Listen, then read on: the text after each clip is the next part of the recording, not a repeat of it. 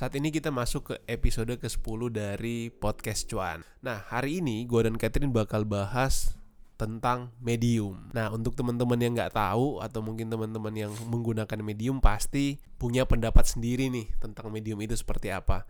Nah, sebelumnya mungkin gue bakal cerita sedikit pengalaman gue tentang ketika gue menggunakan medium gitu. Jadi gue sebenarnya menggunakan medium karena diracunin Catherine nih sebenarnya. Gue seingat gue itu uh, pertengahan atau uh, kayak kuartal keempat tahun lalu gitu 2019 gue pertama kali disuruh download tuh sama Catherine Medium. Nah dan ketika gue download itu sih sebenarnya first impression gue adalah ini adalah kayak uh, platform untuk orang nulis satu dan kedua desainnya bagus banget.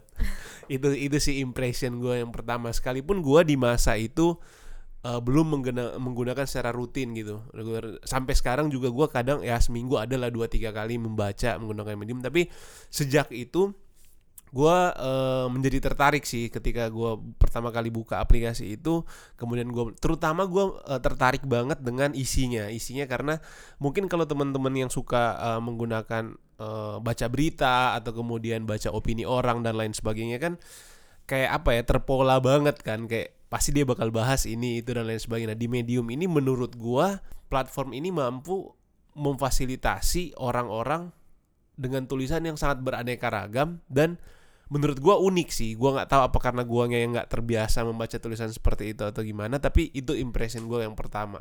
Nah kalau lu sendiri e, gimana kayak waktu itu? Lu bisa cerita sedikit nggak sih pertama kali lu menggunakan medium? Kapan sih? Atau kenapa lu bisa sampai pertama kali menggunakan medium kalau pertama kali bener-bener tahu medium itu udah lumayan lama ya pas gue masih kuliah cuman dulu itu bentuknya bener-bener beda banget dan hmm. itu gue juga sebenarnya bisa download lu dari itu, kuliah masa kuliah. Ini pertama hmm. kali gue tahu medium hmm. ya. Not necessarily pakai yang gimana-gimana gitu. Tahun Tapi berapa tuh kira-kira? Ingat gak lo?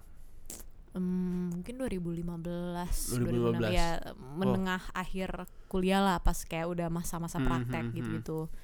Uh, dan dulu sebenarnya gue pakai itu karena uh, lagi rajin-rajinnya nulis blog gitu kan. Hmm, dulu di hmm, WordPress. Hmm Nah terus gue kayak nyari-nyari aplikasi Kan emang pada dasarnya gue lumayan suka browsing aplikasi di App Store ya agak hmm. aneh cuman gue suka aja gitu kayak buka-buka misalnya kategori ini lagi ada, ada aplikasi apa nih gitu ya? yang menarik terus coba-coba nah waktu itu gue come across Medium kayaknya mungkin karena gue lagi kayak nyari-nyari uh, aplikasi-aplikasi untuk nulis gitu kan kayak uh, ketemu bear apa segala macam nah pas pertama kali pakai itu emang uh, yang gue inget ya dulu itu gue nggak menggunakannya secara rutin uh, terutama at least untuk baca dulu ya untuk nulis. Karena yang gue tahu itu umumnya WordPress tapi untuk baca itu konten-kontennya uh, cukup beragam. Dan untuk beberapa lama gue lumayan aktif lah buka-buka. Nah kemudian gue itu meninggalkan medium dalam tanda kutip karena uh, waktu itu gue menemukan di WordPress itu ada fiturnya yang discover. Hmm. Uh, ya kayaknya namanya Discover gue udah lupa sih. WordPress. Iya di WordPress. Nah hmm. itu basically kayak mirip Medium di mana itu uh, mengumpulkan kayak tulisan-tulisan hmm. uh, orang-orang yang nulis di WordPress dan lu bisa kayak pilih kategorinya apa segala macam gue nggak tahu sih sekarang masih ada atau enggak tapi basically opini-opini orang jadi gue pakai itu untuk sekian lama dan akhirnya baru balik ke medium itu mungkin dalam satu tahun terakhir kali ya. Kenapa lu balik ke medium? karena beberapa kali gue kayak search search artikel atau lagi nyari-nyari info atau apa gitu munculnya artikelnya Medium. Nah, apalagi itu pas saat gue lagi sangat interested dengan kayak dunia startup lah, mm -hmm. uh, dan pas baru lagi mau masuk ke startup yang hmm. di mana gue bekerja hmm. sekarang itu kan gue belajar tentang product management apa segala macam itu yeah. benar-benar uh, self learning kan dan itu rata-rata itu pasti artikelnya itu di Medium yeah. dan akhirnya gue uh, jadi member pas masa-masa itulah kayak member akhir. ini yang berbayar ya? Iya bayar karena ya uh, usage gue udah mentok terus padahal gue pakai saat itu tiga email untuk hmm. bisa memanfaatkan gratis terus. Kayak email kantor, email pribadi terus email uh, pribadi satunya lagi. Dan itu kayak gue lupa berapa jumlahnya tapi yang pasti selalu mentok. Jadi hmm. kayak oh berarti udah saatnya gue berbayar. Kayak ribet banget gue ganti-ganti account mulu kan. uh, uh. jadi kayaknya bulan Oktober atau September gitu gue mulai pakai berbayar sih. Nah gue pribadi sih apa uh, belum bayar sih sampai sekarang masih menggunakan. Tapi setahu gue dia dulu lumayan banyak loh free free Iya, artikelnya gitu kayaknya sekarang makin dikit sih. sekarang tiga tiga tiga artikel doang dalam sebulan lu. Dulu- bayang nggak tiga artikel doang? Dulu kayaknya masih sempat lima atau berapa gitu. lebih setahu gue lebih malah kayak Ya, 6 masih atau 10 lumayan gitu. lah. jadi sekarang udah udah tinggal tiga artikel. Nah mungkin teman-teman yang lain punya cerita-cerita atau apa ya first impressionnya gimana sih menggunakan eh, medium itu? Itu mungkin sedikit cerita pengantar awal dari gua dan Catherine. Kenapa atau pertama kali kita menggunakan medium dan apa sih pendapat kita tentang medium itu tersebut? Nah mungkin untuk eh, sebelum diskusi lebih lanjut gue bakal memberikan gambaran sedikit tentang eh, medium ini. Jadi medium ini adalah salah satu perusahaan yang didirikan di tahun 2012 di Amerika. Itu dia berdiri tahun 2012 dan foundernya itu Evan Williams. Nah Evan Williams ini sebenarnya bukan orang baru di dunia teknologi di dunia startup. Kalau mungkin teman-teman yang familiar dengan dunia penulisan dia adalah founder blogger gue sih nggak pakai sih. Lu pakai nggak? Gue pakai WordPress tuh. WordPress ya? Gue juga Hmm. pakai WordPress sih. Gue nggak pakai nah cuma intinya kalau teman-teman di Indonesia mungkin sering lah melihat eh, atau membaca yang ada belakangnya .blogspot.com gitu-gitu itu itu blogger bagian dari blogger. Nah jadi itu foundernya si Evan Williams ini. Cuman di tahun 2003 bloggernya ini dibeli sama Google dibeli sama Google nah sekarang udah jadi punyanya Google gitu sejak tahun 2003 cuma pendirinya si Evan William ini nah dan mungkin kalau teman-teman yang nggak tahu eh, blogger yang kedua ini yang gue sebut pasti teman-teman pasti rata-rata pasti bakal tahu sih perusahaan yang di di founded by eh, si Evan Williams ini atau yang didirikan oleh si Evan Williams ini Twitter. Nah sebenarnya itu juga udah sempat kita bahas ya di episode sebelumnya. Twitter si Evan Williams ini adalah co-founder sebenarnya bukan hanya bukan founder sendiri dia co-founder bersama beberapa yang lain sama Jack Dorsey juga dan dia juga sempat menjadi CEO-nya Twitter saat itu. Nah kemudian di tahun 2012 singkat cerita dia mendirikan Medium. Nah kurang lebih sih seperti itu gambaran mengenai sedikit tentang Medium ini dari sisi perusahaannya, pendiriannya kapan, kemudian pendirinya siapa gitu-gitu. Gue menarik eh, soal ini Kat. Lu pernah seingat gue lu pernah nulis di Twitter lu. Lu nge-tweet bahwa ketika eh, lu akan sangat intinya kurang gue lupa persisnya apa tapi lu berharap bahwa ada beberapa perusahaan yang lu berharap itu punya lu, lu mendirikan itu dan salah satunya lu mention soal Medium. Mm-mm. Kenapa Kat? Ya Menurut lu? gimana ya? Kayak kalau nggak salah itu tweetnya gue tulisnya ada tiga perusahaan ya. Mm, Dan Twitter juga. Twitter, Medium sama apa ya satunya lagi? lupa gua. IDEO ya? Iya kayak IDEO ya? lupa sih. Nggak kayak aplikasi deh yang gue sering Oke, pakai heeh. itu Slack or something. Mhm.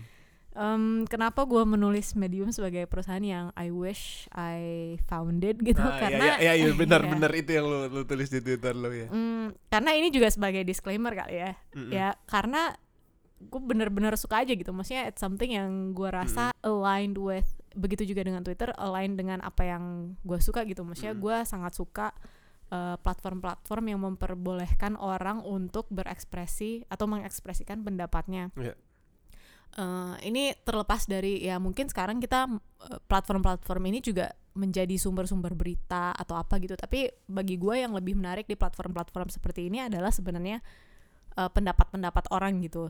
Dan apa ya kayak secara desain, secara konsepnya eh, bagaimana dia kayak user experience-nya menurut gue itu gue sangat suka sampai kayak man I Hmm. wish ini punya gue gitu yang kayak gue bisa mengembangkan hal ini. Tapi ini juga jadi disclaimer Hmm. kali ya. Maksudnya eh, pasti gue akan bias cenderung untuk mendukung eh, apa yang dibikin medium ini Mhm. jadi ya sebagai disclaimer aja karena gue pertama sih, tapi- pengguna berbayar kedua ya emang gue suka mau banget gitu dan lu nggak mau rugi kalau udah bayar gitu terus lu berasa itu jelek ya. Enggak juga sih cuman maksudnya ya Cuma cuma aja. menarik sih Kat Eh, poin lu bahwa lu bilang salah satunya juga sempat gue mention juga di awal ketika first impression gue gue merasa bahwa desain ini sangat bagus gitu. Yang menarik juga adalah ketika em, gue kalau teman-teman baca em, vision missionnya dia dia nggak nulis vision mission sih. Dia cuma kayak nulis about perusahaannya dia gitu story tentang perusahaannya dia. Teman-teman akan baca bahwa ini eh, menurut dia adalah simple. Dia bilang ini for readers writers and insatiably curious gitu. Orang yang eh, penasaran kemudian pembaca dan penulis gitu. Kemudian dia bilang bahwa ini adalah eh, medium ini adalah platform world, world class publication undiscovered voices nah gue meng-highlight eh, undiscovered voicesnya itu sih menurut gue message yang disampaikan oleh medium adalah dia mem- memfasilitasi orang-orang yang mungkin selama ini eh, tulisannya itu nggak nggak apa ya orang mungkin nggak nggak exposure sih menurut gua Hmm. dia memfasilitasi dalam bentuk eh, exposure gitu. Nah, yang menarik juga dia menambahkan adalah topics you love. Karena setahu gua si medium ini kan ketika lu awal eh, sign in, lu bakal memilih topik-topik yang gua, yang lu suka gitu. Jadi ibaratnya sesuatu eh, semua yang lu lihat itu adalah semua yang lu suka gitu, terlebih terkurasi dan sesuai dengan keinginan lu. Cuma yang menarik adalah mungkin kalau misalnya di aplikasi-aplikasi lain gitu misalnya hmm, apa ya Pinterest dan lain sebagainya kan juga menurut gue itu hal yang biasa gitu lu eh, bakal eh, add sesuatu yang lu suka gitu. Nah yang menarik adalah angle penulis-penulisnya sih menurut gue karena lagi-lagi karena dia nggak fokus kepada orang-orang yang mungkin udah terkenal atau orang-orang yang mungkin udah udah punya background A B C D E dan lain sebagainya akhirnya kita punya angle-angle unik sih. Menurut gua sih itu sih yang yang gua- yang yang gua dapat gitu. Dari dari si mungkin dan mungkin itu juga alasan lu bilang lu gua, lu berharap lu ber, di luar desain yang tadi ya yang gua bilang. Nah balik lagi ke soal desain Kat Tapi mm, Mm-mm. mungkin Iya, balik ke iya, poin silakan. yang tadi. Justru menurut gue ya, em, medium itu justru menjadi menarik artikel-artikelnya karena background orang-orangnya. Kalau tadi kan lu bilang kayak dia nggak menjadi siapa-siapa atau apa gitu. Tapi bagi gue justru salah satu eh, hal yang membuat medium itu menarik artikel-artikelnya adalah karena kayak orang-orangnya itu praktisi langsung gitu nggak sih? Maksudnya jadi kayak buat kita tapi yang yang sering nggak mendapat ruang di media lain menurut gua. Paham nggak lu maksud gua? Kayak Iya, misalnya karena mereka nggak jurnalis, makanya Yes, kan gue bilang kan mereka poinnya, practitioner kan, jadi kayak Hmm, lebih hmm. relevan dan menurut gue jadi lebih eh, lebih bermanfaat aja sih. dan dan sebenarnya ya mungkin itu juga menarik sih poin lu bahwa mereka bukan eh, profe- eh, jurnalis profesional gitu ya tapi lebih ke praktisi di bidangnya masing-masing. Dan dan mungkin selama ini keseharian mereka bukan menulis gitu. Iya, ingat gak sih? Kayak kayak misalnya sampingan aja gitu. Iya kayak sampingan aja. Nah menurut gua itu sih yang yang sangat ciri khas dari dari si medium ini ketika gaya menulisnya. Padahal setahu gua nggak dikurasi kan? Tulisannya semua naik kan? Ada yang em, tapi yang direkomendasikan ke kita itu yang yang udah terkurasi iya. berdasarkan jumlah like, jumlah view gitu-gitu kan ya. Balik lagi ke soal desain. Gue sebenarnya pengen meng-highlight soal desain gitu. Menurut lu eh, dan mungkin teman-teman yang mendengarkan podcast ini seberapa penting sih desain dalam suatu bisnis gitu, terutama dalam hal ini medium gitu. Menurut lu ini adalah satu salah satu faktor utama nggak sih untuk si medium ini bisa sebes- sebesar saat ini gitu? I mean, gue cenderung orang yang sangat mempedulikan desain gitu kayak Mm-mm. gue bisa menggunakan atau tidak menggunakan suatu aplikasi atau suatu produk itu purely karena gue either suka atau nggak suka desainnya. Eh, yang eh, mungkin untuk beberapa orang tertentu itu bukan hal yang hal yang penting, tapi Iya. in essence namanya produk apa pun itu pasti harus punya desain. Maksudnya lampu yang terlihat sangat jelek itu punya desain. Eh, desainnya seperti apa itu ya relatif kan, apakah Hmm. itu bagus atau jelek. Iya. Tapi em, ya menurut gua desain itu menjadi sangat penting terutama ketika kita berbicara tentang produk digital gitu kayak Hmm, aplikasi hmm. karena mm, itu akan sangat menentukan cara kita menggunakan eh, aplikasi tersebut kan atau eh, platform tersebut. Jadi apakah desainnya itu bisa mendukung Ya. fungsi utama dari si eh, produk tersebut Mhm. dari aplikasi tersebut misalnya dari medium apakah layoutnya itu misalnya kayak kalau lu buka dari aplikasi ya bukan dari website kurang lebih sama sih tapi yang hal pertama yang lu lihat pasti kayak yang recommended for you kan Iya. Eh, dan itu menurut gua juga bagian dari desain yang terlepas dari eh, cuman soal bener-bener kayak estetikanya ya karena kalau mau dibilang kan secara desain estetika itu eh, si medium ini aplikasinya sangat-sangat polos ya maksudnya Benar, mungkin karena benar. polos jadi kayak Simple bagus ya. gitu simple Cuma balik lagi sih, eh, setahu desain itu kan soal taste kan, soal Mm-mm. preferensi lu seperti apa gitu. Belum tentu apa yang yang yang orang suka gitu dengan medium yang simple, desainnya clean, itu disukai juga gitu sama Mm-mm. orang lain. Mungkin ada orang yang lebih suka yang eh, rame gitu, yang yang warna-warni atau gimana gitu. Nah menurut lu setuju nggak lu kalau misalnya menurut gua bahwa desain itu penting, tapi tergantung target market lu.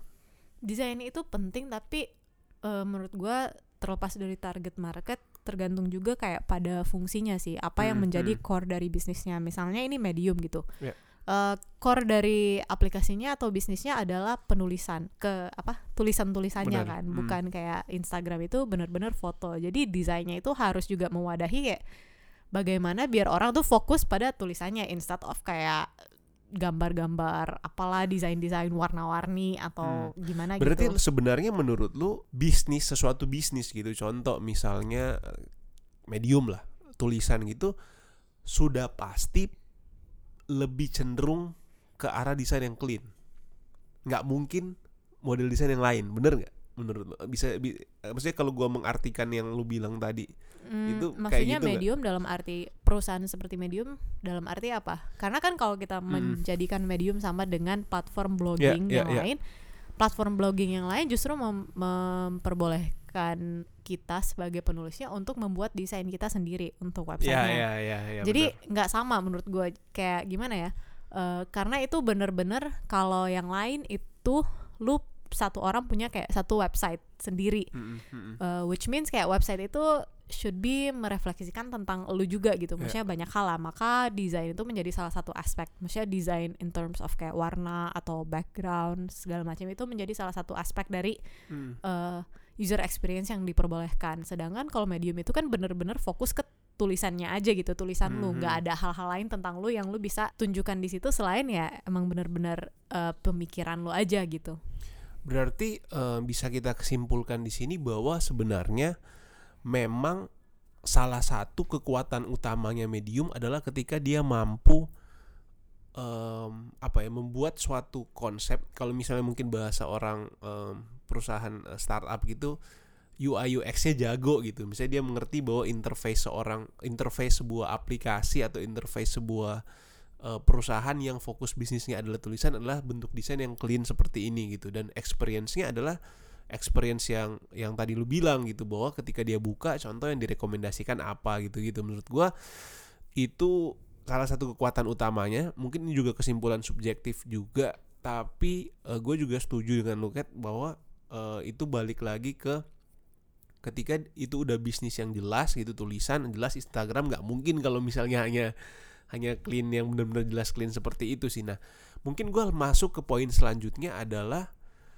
berarti kita di sini punya kesimpulan yang sama bahwa desain atau mungkin gue rubah sedikit katanya estetika itu sangat mempengaruhi perkembangan bisnis kita gitu Hmm, bukan estetika kali ya. Maksudnya balik Hmm. lagi kan user experience itu not just warna dan sebagainya gitu, benar-benar Hmm, kayak hmm, layouting hmm. apa segala macam. Jadi apakah ya desain ini itu bukan dalam konteks cuma gambar atau Iya, ilustrasi gitu-gitu ya desain itu posisinya hal dia kan, layoutingnya dia dan lain sebagainya Hmm, tapi ya tergantung lagi dari bisnisnya. Apakah bisnisnya itu sangat erat kaitannya dengan eh, interaksi kita sebagai pengguna Iya. dengan Hmm. aplikasinya gitu, atau kayak aplikasinya itu benar-benar cuman sebagai wadah yang apa ya fungsional aja gitu, yang sebenarnya tetap membutuhkan desain, tapi mungkin value desainnya itu tidak seberat di kayak aplikasi misalnya semacam medium gitu.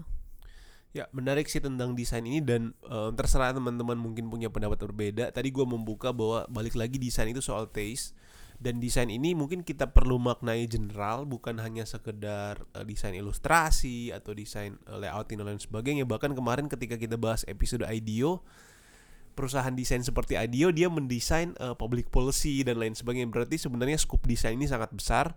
Cuma kebetulan eh, memang gue lebih untuk medium ini sendiri memang lebih kelihatan dari interface apa yang yang terlihat sih dan dan eh, mungkin apa ya kalau menurut gue sih gue masih sepakat bahwa eh, desain itu merupakan sesuatu yang sangat membantu banget dalam hal ini medium. Karena beberapa ketika gue melakukan riset gitu gue menemukan banyak banget sih komentar orang gitu testimoni testimoni orang. First impressionnya mereka adalah gue nggak pernah gitu misalnya baca sesuatu yang kayak nyaman gitu di enak dilihat Hmm. yang simple dan lain sebagainya sih. Mungkin karena itu juga kan biasanya kayak yang kayak gini itu either uh, websitenya website perusahaan media which udah dinodahi dengan begitu banyak banner-banner advertising Mm-mm. atau kayak bener-bener personal website Ya, yang itu udah didesain sendiri Nah, gitu. soal ad itu gue bakal bahas di poin selanjutnya itu juga menarik jadi teman-teman eh, mungkin gue kelus sedikit sebelum gue masuk ke poin itu adalah si medium ini nggak ada ad sama sekali sekalipun lu pelanggan yang free gitu. Lu menggunakan itu free tapi lu nggak bakal bakal kalau yang lain kan bisnis modelnya kebaca banget kan. Misalnya Mhm. kayak eh, Spotify dan lain sebagainya lu nggak bakal mendengarkan ad kalau lu bayar gitu-gitu. Tapi sekarang dia menggunakan logika agak sedikit terbalik tapi dibatasi penggunaannya gitu. Mhm. lu tetap dapat full akses semua fasilitas yang lu bisa akses tapi cuma terbatas gitu. Nah ketika gue meriset eh, tentang medium ini selain gue menemukan pendapat orang atau sesuatu yang di highlight adalah desainnya medium sendiri ada pendapat menarik yang gue baca dari artikelnya Forbes Eh, judulnya Why Medium Doesn't Matter Anymore. Dan ada tiga poin yang gue garis bawahi adalah dia mengkritik atau memberikan pendapat eh, si penulis artikel ini dia bilang bahwa pertama medium tidak konsisten. Dan oh, mungkin catatan sedikit artikel ini ditulis tahun 2017 berarti kurang lebih ya tiga tahun lalu dia bilang bahwa medium tidak konsisten karena dulu medium lahir dengan konsep melawan atau sebagai antitesis dari platform-platform publikasi lainnya gitu di mana lu harus berbayar subscription ada advertisement dan lain sebagainya. Tapi justru di tahun 2017 dia melihat medium ekonominya udah agak memburuk sehingga eh, si CEO-nya waktu itu memperkenalkan bahwa kemungkinan besar dalam waktu dekat medium akan menggunakan subscription gitu berbayar. Karena waktu itu eh, benar-benar gratis lu bisa akses dan kayak menjadi platform aja gitu lu bisa membaca di situ. Karena misinya kan itu saat itu untuk memberikan alternatif alternatif media baru gitu media alternatif. Itu poin pertama.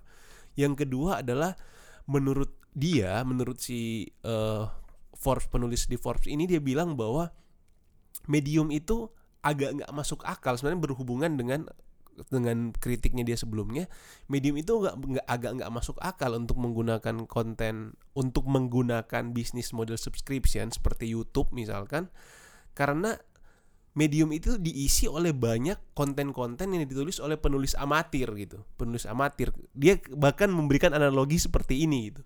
Gua nggak mungkin bayar YouTube untuk nonton kayak video orang nggak jelas gitu. Atau misalnya video kayak cuma kucing lagi main anak kucing lagi main dan lain sebagainya. Dia menganalogikan seperti itu dan menurut dia nggak bakal berhasil metode subscriptionnya medium karena dia diisi oleh penulis-penulis yang amatir semua gitu. Karena kan itu sebenarnya core bisnis utamanya untuk mengyar- eh, mengajak orang untuk menulis di medium. Itu poin keduanya dia. Dan poinnya poin ketiganya dia adalah di medium memang ada beberapa penulis-penulis besar gitu yang berhasil diajak untuk menulis di medium. Untuk rutin memberikan eh, apa memposting tulisan-tulisannya mereka di medium. Contoh misalkan Bill Simmons di The Ring terus eh, programnya The Wired gitu-gitu. Untuk yang intinya penulis-penulis besar atau platform-platform besar yang udah settle secara independen kemudian dia taruh kontennya di medium. Nah di masa itu ketika si si penulis artikel ini menulis ini dia melihat tren di mana si penulis-penulis besar ini sudah mulai meninggalkan medium karena mereka sedang membangun platform mereka sendiri. Ya daripada gua naruh di medium medium juga dapat exposure-nya mending gua upload sendiri dong. Mending gua taruh sendiri. Dan menurut dia oh ini bisnis modelnya kayak udah agak berat nih si medium ini. Sekarang pertanyaan gua adalah di tahun 2020 itu terjadi di tahun 2017 menurut lu atau yang kita diskusikan bareng saat ini kira-kira kritik-kritik tersebut masih relevan gak sih Get? Eh, pertama mungkin yang harus di eh, pengen gue point out adalah yang gue tahu ya dulu itu core dari kenapa si Evan Williams ini mendirikan Medium adalah karena ketika dia mendirikan Twitter Twitter itu kan eh, tujuan utamanya adalah untuk mengekspresikan Hmm, hmm. dalam kayak kata-kata yang singkat gitu Eh, ada maksimum karakternya sedangkan Medium ini dia pengen jadi platform untuk lu bisa bahas lebih dalam gitu tentang eh, pendapat-pendapat lu atau tentang pemikiran-pemikiran dan ide-ide lu Mm-mm. which sebenarnya eh, secara esensial itu kurang lebih sama dengan apa yang menjadi core dari Twitter. Ya. Dan cuma buat dengan karakter lebih banyak gitu iya dengan dengan eh, apa isi yang bisa lebih banyak gitu, Mm. lebih ekstensif. Jadi bagi gua ketika dia melakukan perubahan-perubahan bisnis model dan ini harusnya in general ya, maksudnya Ya. ketika berbicara tentang bisnis in general itu nggak menjadi gue rasa itu bukan hal yang oke kita bisa kritik tapi kayak bukan hal yang apa ya em, menjadi sangat substansial gitu. Kenapa tidak bisnis Hmm, berubah eh, sesuai eh, misalnya kebutuhan atau strategi yang eh, sedang dia rencanakan gitu. Yang penting kan core dari apa yang dia lakukan itu tetap sama, visinya tetap sama. Bagaimana dia mau mencapai visi itu kan bisa berubah-berubah seiring dengan eh, kondisi yang ada saat ini ataupun eh, ke depannya dan Ya. kebutuhan-kebutuhan eh, user dan juga bisnis. Jadi bagi gue hmm, mungkin soal kalau dia bicara soal apakah secara business model subscription ini uh, sustainable or not atau scalable or not, gue nggak tahu ya. Gue nggak Hmm, pernah hmm, melihat hmm, hmm. angka-angka dari uh, matrix dari si mediumnya ini Ya. sendiri. Tapi yang gue tahu memang uh, sejak eh, per 2019 itu medium itu memang belum profitable. Mm. Tapi itu quite typical lah ya, maksudnya Iya. startup apa apa sih sekarang yang Lama, profitable mm, gitu, maksudnya butuh waktu lah. Em, tapi apakah itu berarti bahwa model yang sedang dia explore sekarang ini subscription based ini tidak relevan atau tidak akan berhasil karena dia bilang em, siapa yang akan membayar untuk eh, Konten konten-konten gitu. amatur gitu. Buktinya gue ini membayar karena bagi gue maksudnya di medium itu kan cukup banyak konten yang bervariasi ya. Ada yang bener-bener kayak random banget atau bahkan ada yang puisi atau apa. Ada juga yang bener-bener practical uh, practical experiences kemudian dia coba sharingkan itu dan itu buat gue berharga dan gue uh, mau membayar untuk mendapatkan eks, atau apa Tapi lu, lu sendiri pernah baca tulisan dari orang yang istilahnya amatir itu? amatir definisinya gimana maksud lo? Kayak misalnya contoh kalau misalnya gua kan kadang eh, kalau gua baca si apa morning digestnya dia itu yang yang rutin gitu itu kan rata-rata udah diturkurasi gitu kan yang kayak paling banyak di like gitu gitu gue sih memang belum belum kayak explore banyak untuk untuk nyari bener-bener topik tertentu dari penulis random gitu sih gue belum. Cuma yang selama ini gue baca yang masuk di email atau kemudian yang muncul di eh, aplikasi yang gua buka gitu yang di halaman utama gitu gitu kan rata-rata kan yang udah oleh algoritmanya udah bagus gitu. Respon orang udah bagus terhadap artikel tersebut.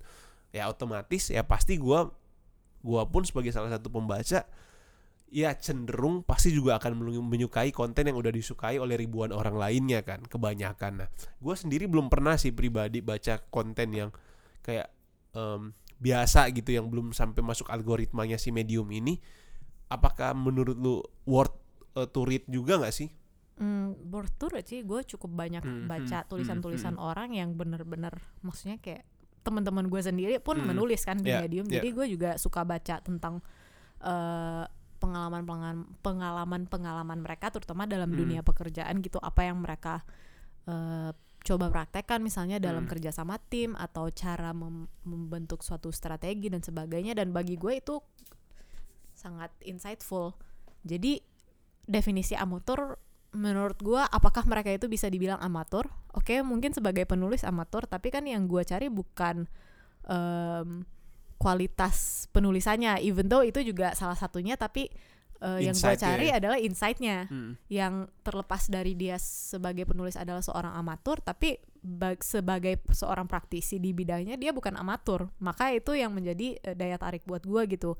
Apakah gua akan bisa mendapatkan insights ini dari dia dengan cara lain ya of course kalau gua ngobrol sama dia langsung mungkin bisa aja gitu tapi seberapa Mhm. banyak orang sih yang akan kayak serandom eh lu bisa Mhm. ceritain gua tentang ini nggak dibanding dia yang nulis sendiri iya gitu dia yang kepikiran sendiri gitu Nah kalau gue pribadi sih pun apa ya eh, Memang sih apa yang dikritik oleh si penulis di sini Ada benernya juga gitu Hmm. Kadang apa ya kayak Gue karena yang paling kena banget ketika dia menganalogikan YouTube gitu. Itu kena banget sih. Kayak dia analogi ya. Tapi YouTube sekarang udah ada subscription. Iya iya makanya maksud gua maksudnya dia tapi kan subscriptionnya untuk konten untuk ilangin ad kan. Ilangin ad satu sama konten beberapa Premium. konten tertentu kan. Beberapa konten utamanya dia eh, series yang bagus gitu misalkan. Lagi-lagi yang dijual adalah kenyamanan. Contoh adnya hilang atau kontennya lebih khusus gitu. Konten konten yang yang apa ya yang nggak bakal lu lu dapat kalau gratis. Nah medium ini kan agak unik. Dia berbayar yang dia dapat adalah jumlah akses terhadap membacanya gitu loh. Ad-nya pada dasarnya emang nggak ada ad gitu. Lu free pun nggak ada ad.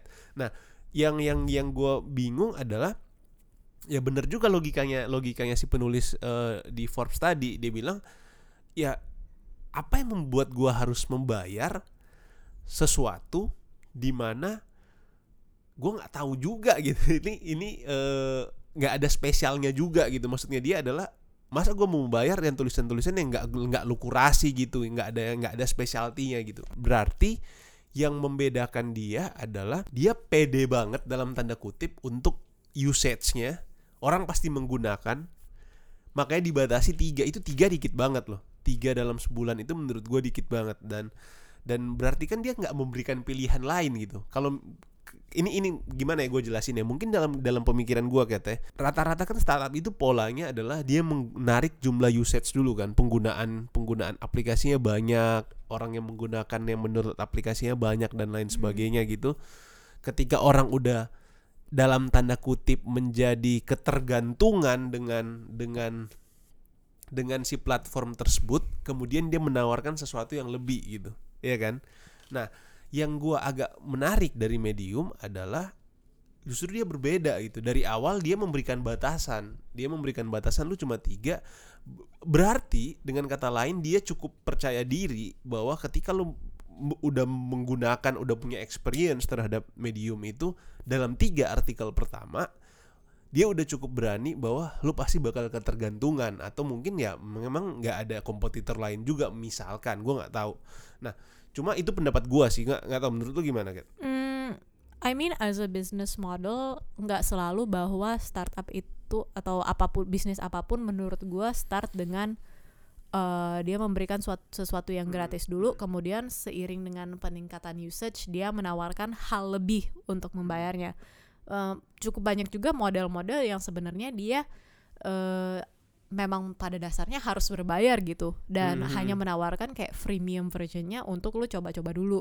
Kayak Mhm. medium ini kan lebih kayak gitu. Ya ya berbeda dengan kayak misalnya hmm, kayak Netflix juga kayak gitu kan. Lu nggak nggak akan bisa pakai Dari Netflix secara awal udah gratis langsung kan emang lu harus berbayar, bayar ya. gitu. Jadi cuman hmm, apakah eh, itu hal yang tepat atau tidak bisnis model yang tepat ya gue nggak tahu sih gue nggak pernah Maka- makanya lihat cuma kan bedanya kan. adalah ketika lu misalnya Netflix atau lu berbayar ap- ada kan aplikasi-aplikasi yang berbayar gitu kan eh, Hmm. subscription misalnya plug-in gitu-gitu itu kan jelas gitu lu mendapat sesuatu yang lu butuhin dalam artian yang apa ya kayak film yang dibuat gitu dengan biaya dan lain sebagainya kan. Dan kadang di satu sisi gua percaya yang menurut gue poin penting yang gue dapat dari bisnis modelnya dia di mana dia tahu bahwa itu orang-orang random juga sebagian besar misalnya yang nulis yang memberikan insight adalah dia percaya bahwa setiap ide itu worth sih. Menurut gue Hmm. itu poin penting yang yang ibaratkan ideologinya dia gitu. Dia percaya bahwa ya tulisan serandom apa pun pasti punya insight gitu tapi dan itu worth worth worth untuk dibaca Hmm. Tapi mungkin hal yang perlu atau yang pengen gue point out juga adalah eh kita bayar sebenarnya untuk apa sih? Dalam hal Hmm, ini kan hmm. kalau dalam analogi yang diberikan oleh si siapa? Penulisnya. Forbes Hmm. ini dari artikel Forbes ini adalah apakah kita mau berbayar untuk konten-konten dalam tanda kutip amatur? Eh, sedangkan bagi gua, gua bukan sedang gua nggak merasa bahwa gua sedang membayar untuk kontennya. Ya, Gua membayar yes. untuk kemudahan-kemudahannya karena secara konten gue bisa mendapatkan itu di blog siapa pun gitu. Maksudnya gue bisa tinggal search kalau orang memilih untuk menaruhnya di blog pribadinya dia eh, sangat-sangat sah aja gitu dan gue bisa membaca itu dengan gratis dan dia mendapatkan ad eh, apa revenue atau Mm. eh, income dari ads-nya misalnya gue klik atau apalah. Ya. Tapi di sini kan yang gue bayar bukan bukan purely untuk kontennya gitu. Gue membayar ini karena gue membayar platformnya, Hmm, di mana hmm. eh, sesuatu yang harusnya gue sangat ribet untuk mencari. Gue harus buka website yang berbeda-beda dan itu tidak bisa datang ke gue dengan sendirinya. Gue Hmm. benar-benar hanya bisa search untuk itu. Dia memberikan kemudahan bagi gue di mana nih gue eh, kurasiin atau gue bikin list untuk lu baca hal-hal yang eh, menurut gua sebagai platform lu bakal eh, merasa itu insightful dan berguna Hmm, buat lu yeah. based on your reading habits.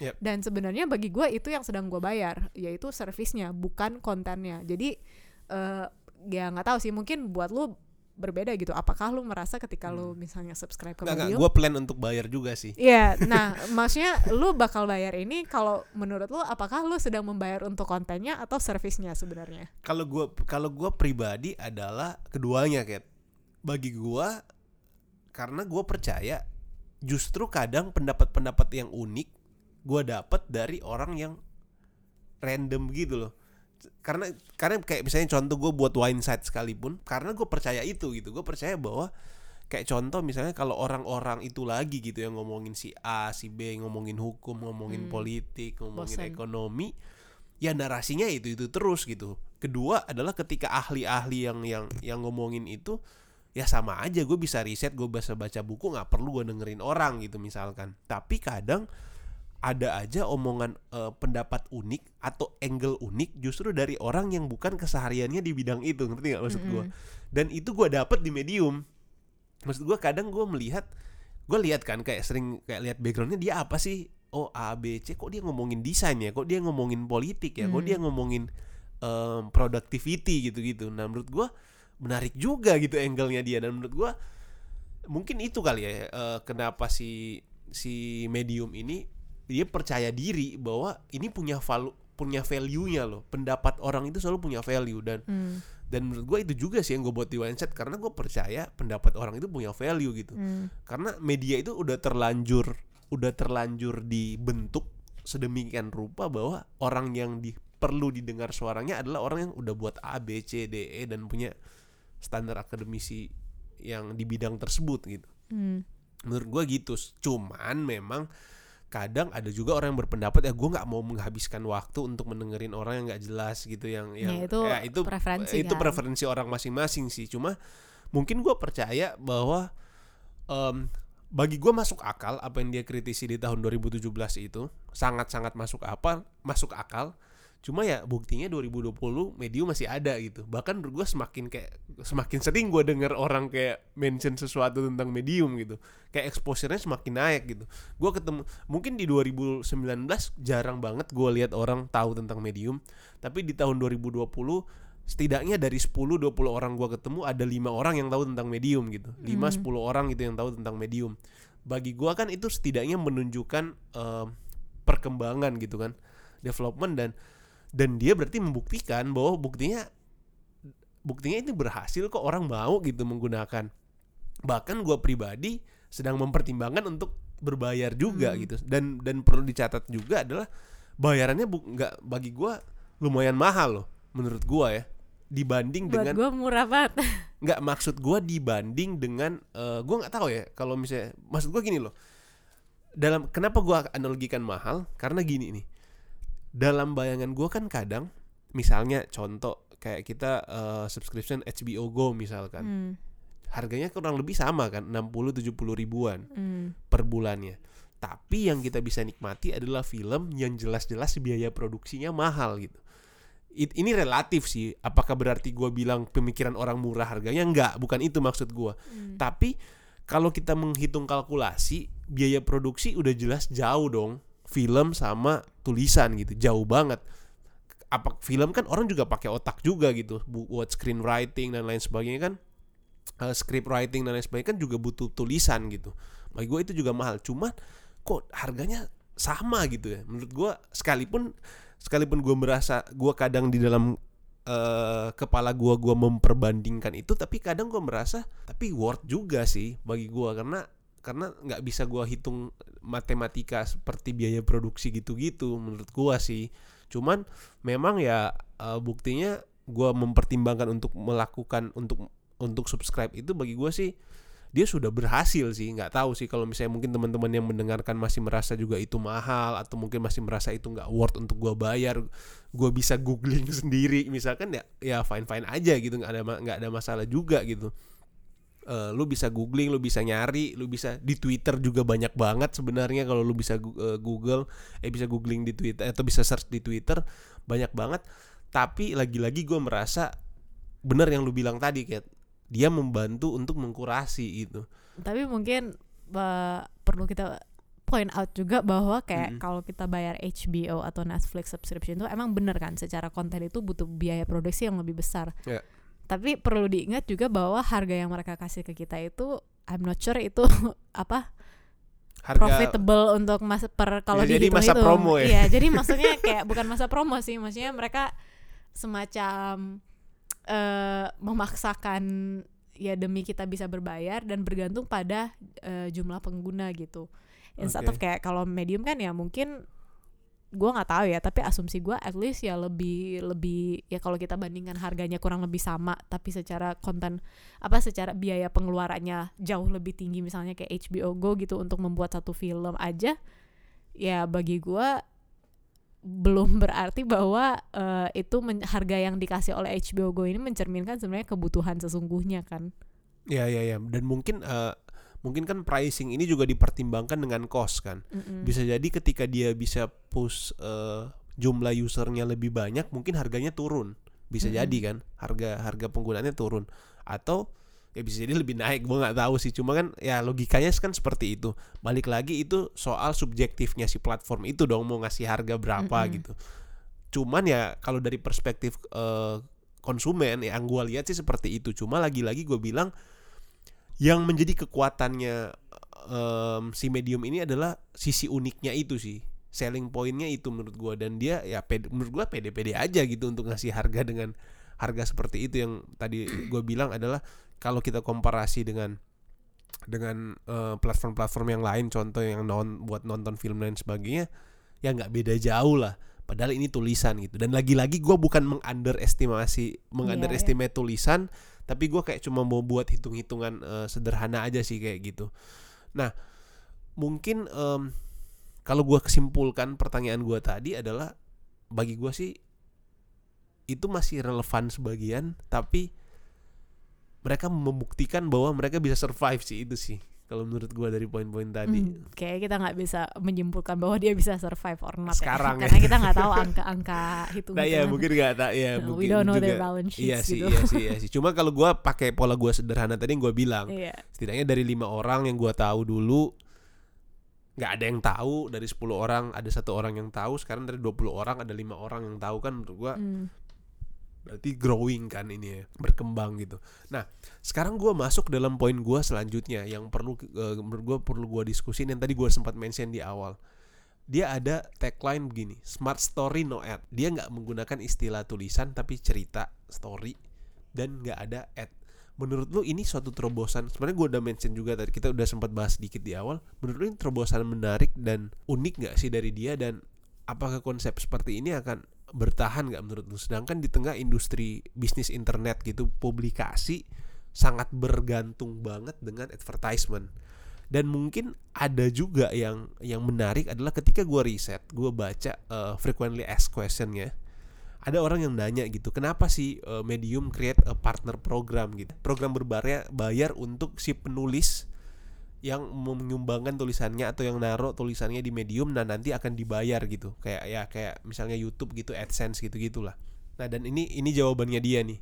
Dia bilang bahwa we believe that uh, current media model is broken and it's time for a better system. Designed for writers and readers not advertisers. So we are building a place where you can share ideas and get rewarded get rewarded for the value that they create. Menurut gua sih apa ya kayak dasar filos dasar mission vision mereka itu kuat banget sih menurut gua dengan dia menjawab Hmm. seperti itu gitu karena menurut mereka ya ya media ini udah udah hancur lah udah rusak gitu karena lu sangat bergantung banget dengan advertiser gitu dengan dengan third party gitu yang memberikan uh, advertisement. Bahkan gue mungkin kutip lagi juga yang ada di websitenya juga dia bilang gini the internet should reward quality thinking not clickbait. Eh apa ya menurut gue beberapa poin atau tagline tagline-nya dia yang sebenarnya sangat menggambarkan si mediumnya itu. Nah menurut lu dasar-dasarnya dia ini purely subjektif ideologinya dia tapi rasional nggak menurut lu Hmm, sangat rasional bagi gua karena kalau kita balik ke apa ya zaman newspaper apa sih Iya. Hmm, koran, koran Mm. ketika seorang jurnalis itu menuliskan eh, editorial atau cerita atau apa pun itu yang akan dipublish di Iya. koran atau eh, magazine itu kan sebenarnya dia dibayar setahu gue ya gue nggak tahu nih tapi yang dibayangkan gue dia dibayar sebagai pekerja kan. Gue nggak tahu apakah ada uh, media company yang membayarkan per story misalnya. Ada juga sih yang kayak kita sebagai freelance writers itu dibayar per story.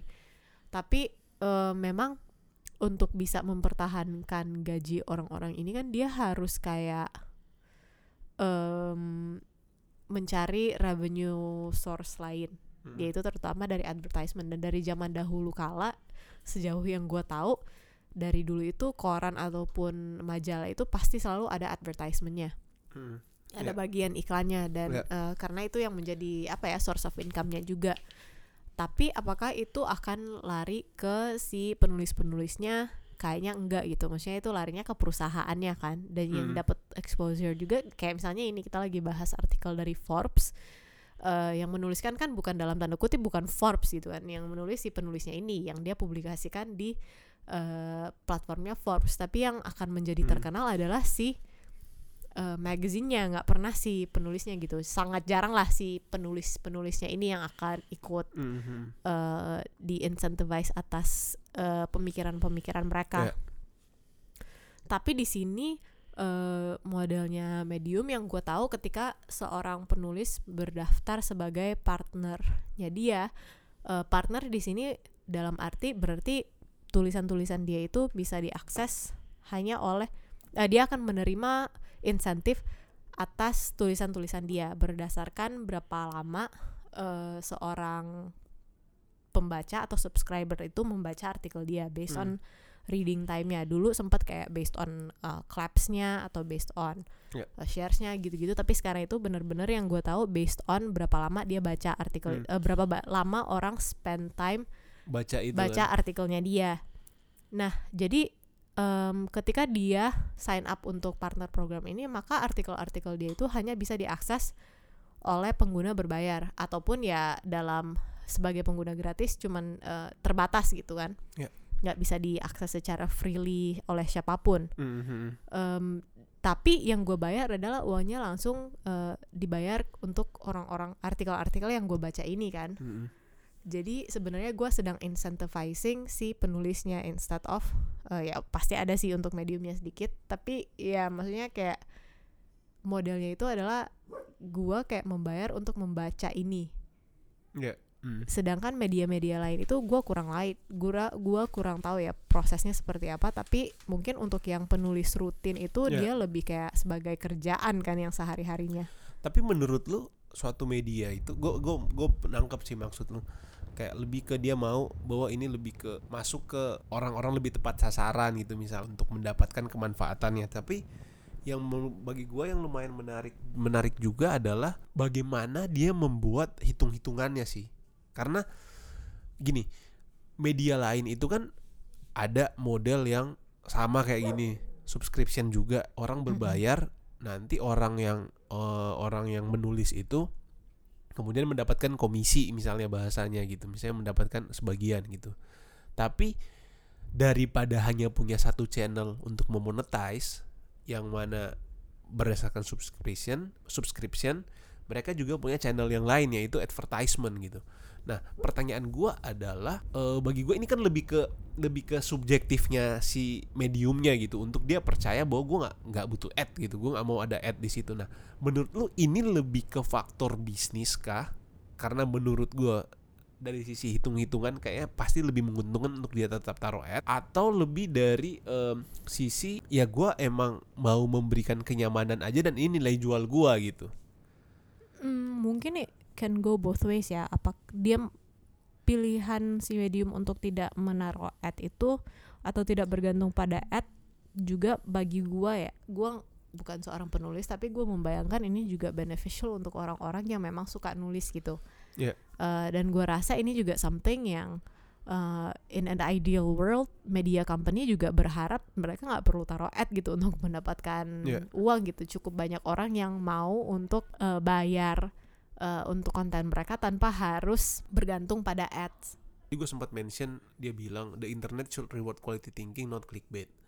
Menurut uh, teman-teman atau menurut um, saya dalam konteks ini gue sama lu nih Kat, menurut lu kira-kira ini sebuah kenyataan industri media saat ini nggak sih bahwa maksud gue gini loh sesuatu bisnis gitu atau misalnya dalam hal ini medium hadir itu kan karena dia melihat ada problem gitu. Rata-rata kan bisnis hadir dengan melihat permasalahan gitu. Menurut lo ini kah masalah uh, apa ya content publication gitu? Saat ini. Uh, satu-satunya masalah bukan tapi ya gue rasa uh, it's quite a dominant problem gitu bahwa media industri media jadi sangat bergantung pada uh, advertisement dan sponsorship. Karena kalau kita berbicara soal berita dan fakta maksudnya ketika kita mencari berita itu kan kita berharap itu adalah hal-hal yang paling faktual benar um, yang berdasarkan research dan harusnya yang sedang kita insentifkan adalah uh, kemampuan mereka untuk menggali data-data yang seharusnya gitu journalism yeah. hmm. pada hmm. esensinya gitu tetapi sekarang kan dia jadi banyak juga tidak sedikit artikel-artikel media itu dituliskan untuk kayak dibilang tadi untuk uh, lebih menarik uh, search atau di optimize secara SEO-nya agar lebih banyak orang buka, sekedar hmm, buka hmm, hmm, dan bahkan nggak harus baca tapi at least yang penting ad yang ditaruh di halaman itu sudah dieksposkan terhadap si pembaca ini. Dan bagi gua sih hmm, banyak banyak alasan kenapa ini hal yang mengkhawatirkan. Pertama mungkin dari sisi uh, title gitu.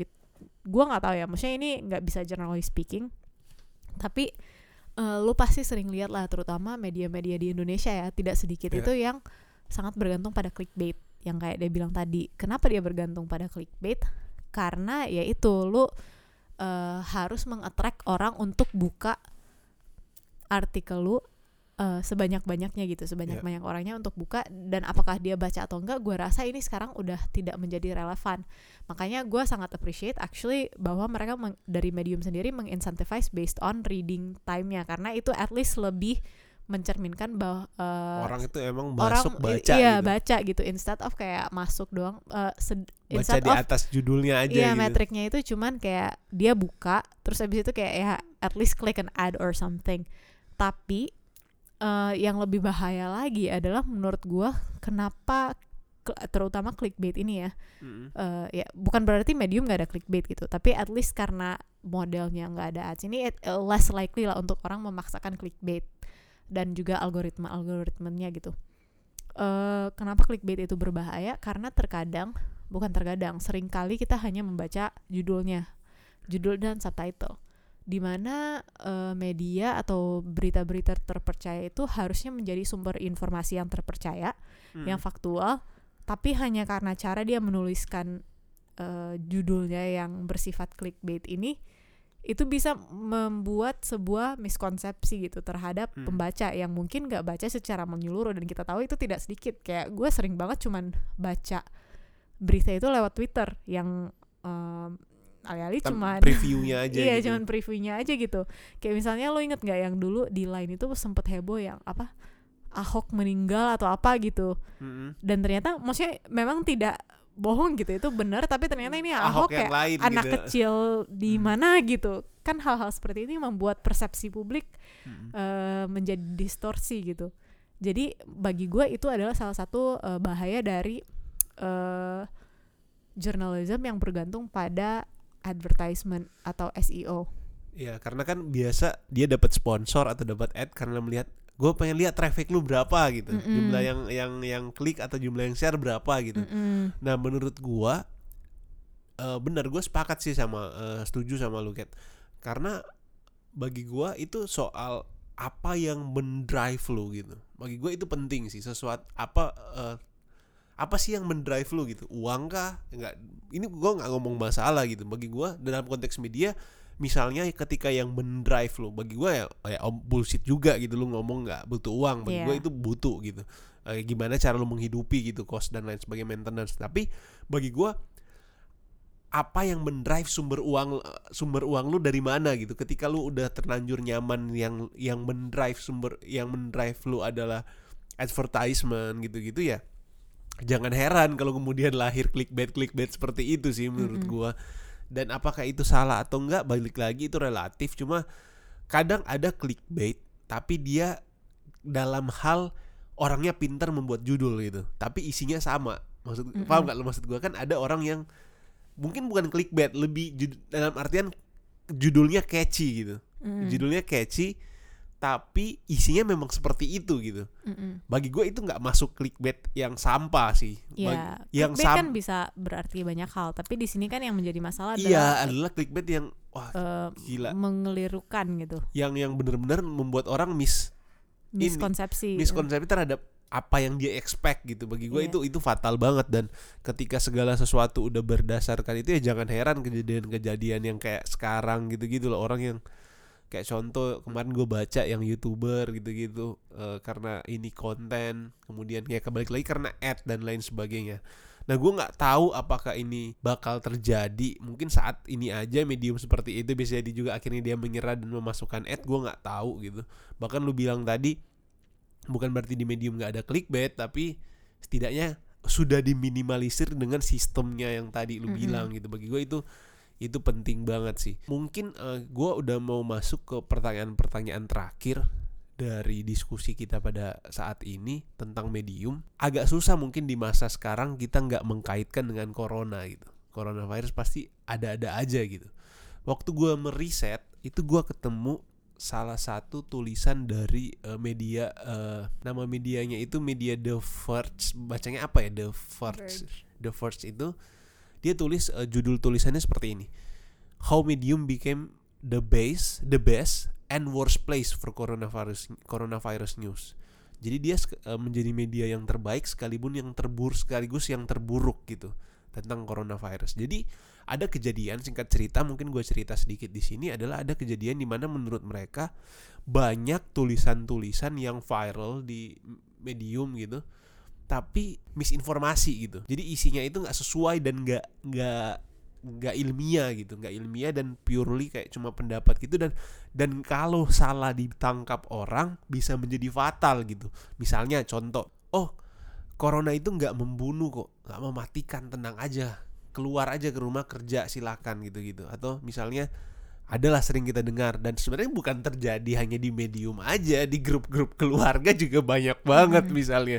Yang nggak usah jauh-jauh lah grup WhatsApp atau teman-teman yang pasti mendengar grup-grup sekolah banyak banget men. Ini apa penyebaran-penyebaran misinformasi. Intinya misinformasi ini bisa terjadi di mana pun gitu menurut gua. Nah cuman yang menarik di sini adalah mereka menganggap medium ini sudah lumayan banyak eh, audiensnya. Nah, sedangkan di sisi lain bisnis modelnya si medium ini adalah inklusivitas kan dalam tanda kutip inklusivitas bahwa semua orang bisa menulis gitu. Gua misalnya background gua hukum, gua bisa aja menulis ekonomi gitu. Gua lu misalnya lu bisa aja menulis tentang corona gitu atau gua misalnya bisa aja tulis tentang coronavirus ya gua tinggal riset eh, dan lain sebagainya gue buat tulisan esai dan lain sebagainya bisa bisa aja lalu pertanyaan gua adalah oh ya gue tambahin sedikit. Nah sejak saat itu sejak kejadian itu akhirnya si medium khusus untuk coronavirus ini dia membuat tim kecil untuk mengkurasi tulisan-tulisan yang masuk mengenai corona biar jangan ada lagi misinformasi. Nah pertanyaan gua adalah apakah ini sebagai pertanda bahwa bisnis medium ini atau bisnis model medium ini di mana dia memberikan inklusivitas bagi penulis dapat menjadi masalah nggak gini ke depan dalam hal ini informasi atau hoax? Gua tipe orang yang percaya bahwa orang yang berniat untuk menyebarkan misinformasi, hoax, gosip dan sebagainya itu akan Hmm. terus terjadi terlepas dari seberapa besar usaha kita gitu. Kita bisa meminimalisir tapi pasti ada-ada aja cara untuk orang melakukan sesuatu yang sudah diniatkan gitu. Mm-mm. eh misalnya ya hal yang paling sederhana adalah ketika kita berbicara tentang gosip. Misalnya gue di sekolah gitu, terus ada orang yang ingin menyebarkan suatu gosip tentang orang lain. Tapi karena gue nggak tahu ya ada aturan ini aturan itu, maka dia tidak melakukan itu di dalam eh, di kampus gitu, di apa on school grounds. Iya. Tapi tidak berarti bahwa ketika dia keluar jalan-jalan sama teman-temannya di mall dia mengikuti peraturan tersebut kan Iya. dan gosip itu tetap menyebar dan me- berimplikasi terhadap kehidupan di mana gosip itu dilarang gitu Mhm. jadi Benar. bagi gue bagaimanapun caranya misinformasi akan tetap terus ada tapi bagaimana kita bisa mengedukasi pembaca untuk uh, lebih apa ya istilahnya lebih uh, aware gitu ketika membaca suatu artikel misalnya kalau isi artikel di mediumnya itu adalah membahas sesuatu yang ilmiah. Apakah dia menggunakan referensi gitu di di dalam artikelnya sendiri? Kan gue rasa orang-orang yang sedang membaca artikel-artikel di medium ini harusnya punya some kind of education level di mana dari saat kita masih uh, di tingkat pendidikan yang menengah ke atas ataupun uh, eh, SMP gitu udah yeah. diajarkan gitu mm, untuk mm, selalu uh, membaca suatu tulisan itu dengan memperhatikan referensinya. Yeah unless itu kayak cerita dongeng kan itu mm -hmm. beda cerita gitu tapi ketika itu sesuatu yang non fiksi maka harus di didasari oleh uh, referensi-referensi ilmiawi apakah itu dengan kita yang melakukan researchnya sendiri dan mengolah datanya sendiri Bener. atau dari tempat lain gitu yang terpercaya jadi misinformasi itu masalah bagi semua platform online gue rasa karena itu kayak jadi me, me apa mensteroidkan gosip gitu. Maksudnya apa sih? Men-trigger. Uh, bukan men-trigger maksudnya lebih mempermudahkan penyebarannya kan. Hmm. itu yang menjadi masalah. Tapi apakah kita memfasilitasi harus ya? Iya. Tapi apakah uh, ketika kita berbicara tentang uh, inklusivitas medium apakah dengan begini maka uh, medium menjadi tidak inklusif? Gua rasa bukan begitu karena um, inklusivitas bukan ber, tidak berarti bahwa kita memperbolehkan sih. atau mentoleransi hal yang tidak baik. Gitu Sebenarnya gitu kan. gini sih kalau bicara inklusivitas ya semua juga inklusif gitu. Mm -hmm. Lu mau pakai Twitter nggak dibatasi gitu lo mm -hmm. siapa. Lu mau pakai Facebook nggak dibatasi lu siapa. Lu mau pakai Instagram lu nggak harus fotografer gitu. Cuma bedanya mungkin ya karena ada pemikiran rata-rata itu kan media dalam ini dalam hal ini tulisan gitu kayak itu kan selalu menjadi preferensi informasi kan contoh misalnya ataupun video gitu. Video kan hmm. selalu menjadi preferensi informasi gitu. Jadi referensi informasi lu. Nah mungkin yang menjadi permasalahan adalah orang sudah ada orang dan dan katanya banyak orang yang menganggap bahwa medium ini juga adalah bukan hanya platform tapi juga media gitu media informasi. Jadi um, dalam tanda kutip sudah diperhitungkan gitu uh, informasinya. Nah, karena da, karena dalam artikel itu gue gue inget tadi gue baca dia bilang bahwa tulisan di medium itu nggak bisa disamakan dengan Twitter gitu. Efek efek misinformasi yang lu tulis di Twitter nggak bisa lu samain dengan yang lu tulis di, medi, di medium katanya kurang lebih kayak gitu. Nah, gue nggak tahu itu balik lagi subjektivitas. Tapi apakah gitu. misinformasi itu bergantung plat pada platform atau orang nah, yang menyebarkannya? Itu poinnya menurut gue. Nah, mungkin gue bisa tambahin sedikit adalah bagi gue sih soal misinformasi ini nggak hanya gue sih justru nggak setuju karena kenapa bagi gue misinformasi ini dapat terjadi di mana pun sih mm -hmm. dapat di terjadi di mana pun dalam platform apa pun gitu dan dan lu nggak bisa membatasi orang untuk me, meng, apa memberikan pendapat gitu. Yang bisa lu batasi adalah orang yang mau menyebarkan itu bagi gua sih pemikirannya hmm. gitu. Bahwa lu mau menyebarkan nggak konsep yang jelas-jelas keliru gitu. Lu mau menyebarkan nggak konsep yang menurut ya balik lagi edukasi sih, edukasi dan dan pengetahuan gitu. Mungkin yang bisa yang bisa platform itu lakukan adalah dia tetap memberikan ibaratnya contoh gini loh. Kayak misalnya masa mungkin analogi sederhananya gini hanya karena ada suatu kejadian tiba-tiba lu mengeneralisir itu kan bagi gue nggak mungkin gitu misalnya ada kejadian penipuan di di Gojek misalkan nggak mungkin semua account yang lu tutup gitu kan. Hmm. atau misalnya ada satu kejadian seseorang si oknum lah dalam tanda kutip oknum yang melakukan itu bagi gue itu sangat mungkin terjadi di segala hal sih menurut gue ya. Tapi ya balik lagi soal soal orangnya itu sih soal orang yang menyebarkan atau orang yang mengkonsumsi itu menganggap itu atau menerima itu menanggapi itu seperti apa menurut gua. Ya bagi gua itu sih balik lagi soal um, bagaimana kita bisa mengedukasi konsumennya karena kan uh, kalau mau dibilang medium itu bukan platform yang paling convenient untuk menyebarkan hoax hmm. pertama karena uh, orang-orang yang user base-nya mungkin for the most part um, gue nggak mau bilang berpendidikan tapi at Gak. least sudah terbiasa dengan uh, mencerna informasi, bagaimana Hmm, hmm. menerima informasi dengan lebih bijak gitu dibandingkan eh misalnya WhatsApp gitu yang Hmm. lower apa barrier of entry-nya untuk orang menyebarkan misinformasi itu sangat-sangat rendah gitu loh sekedar kirim teks aja selesai ataupun Twitter maksudnya bahkan presiden ataupun kepala negara bisa berdusta di Twitter Ya, gitu Mungkin mungkin ini Kat, mungkin eh, maksudnya tulisan ini adalah begini. Karena medium mendorong orang untuk bisa memberikan pendapat. Jadi orang lebih kayak ya udah ngasal aja gitu memberikan kan pendapat. Ngerti nggak maksud gua? kalau Kayak- pendapat harusnya kita menerima itu sebagai pendapat dong Nah itu balik lagi ke permasalahan orangnya. Maksud gua gini, tadi kalau tadi lu sempat bilang entry barrier for of uh, untuk dia masuk gitu, maksudnya orang itu mungkin begini. Jadi kayak misalnya tulisannya tulisannya medium bisa aja lu share pakai WhatsApp. Berarti kan nggak ada masalah dong. Misalnya tetap aja dia bisa menggunakan lu bisa menggunakan WhatsApp untuk men-share tulisannya medium gitu. Tapi kalau yang gua tangkap ya, kalau yang gua tangkap adalah yang dia maksud di sini bahwa karena medium mendorong orang untuk menulis gitu untuk menunjukkan inklusivitas lu bisa berpendapat gitu-gitu jadinya pendapatnya ini nggak bisa dipertanggungjawabkan gitu loh kayak gimana sih kayak jadi kayak ya udah gitu kayak kadang itu- kualitasnya udah nggak ada lagi gitu. Mungkin itu ya mungkin ya kalau gua kalau gua lihat ya. Tapi kan dia memang bukan menjadi platform berita gitu dan tidak pernah mengklaim diri sebagai platform nah berita. itu itu balik lagi. Jadi em, si penulis ini menganggap bahwa ternyata si medium ini semakin ke sini semakin dipertimbangkan menjadi suatu media gitu. Suatu media bukan hanya sekedar eh, platform untuk orang berpendapat kayak media sosial kayak Twitter atau Facebook lu nulis status udah nggak kayak gitu lagi gitu. Ini udah lumayan serius gitu kata kata si penulisnya gitu. Cuma kalau gua pribadi sih bagi gua susah sih di di di ini karena itu bisa terjadi di semua platform mana pun gitu. Lu menulis di Facebook juga bisa dari statusnya kan. Lu menulis menulis di caption juga bisa Iya gak sih kayak misalnya lu menulis juga di di website juga bisa gitu di website lu sendiri di blog lu sendiri juga bisa kan nggak ada masalah. Cuma mungkin bedanya adalah dia dapat ruang aja gitu di mediumnya gitu dapat dapat apa dapat audiensnya. Paling itu aja sih bedanya.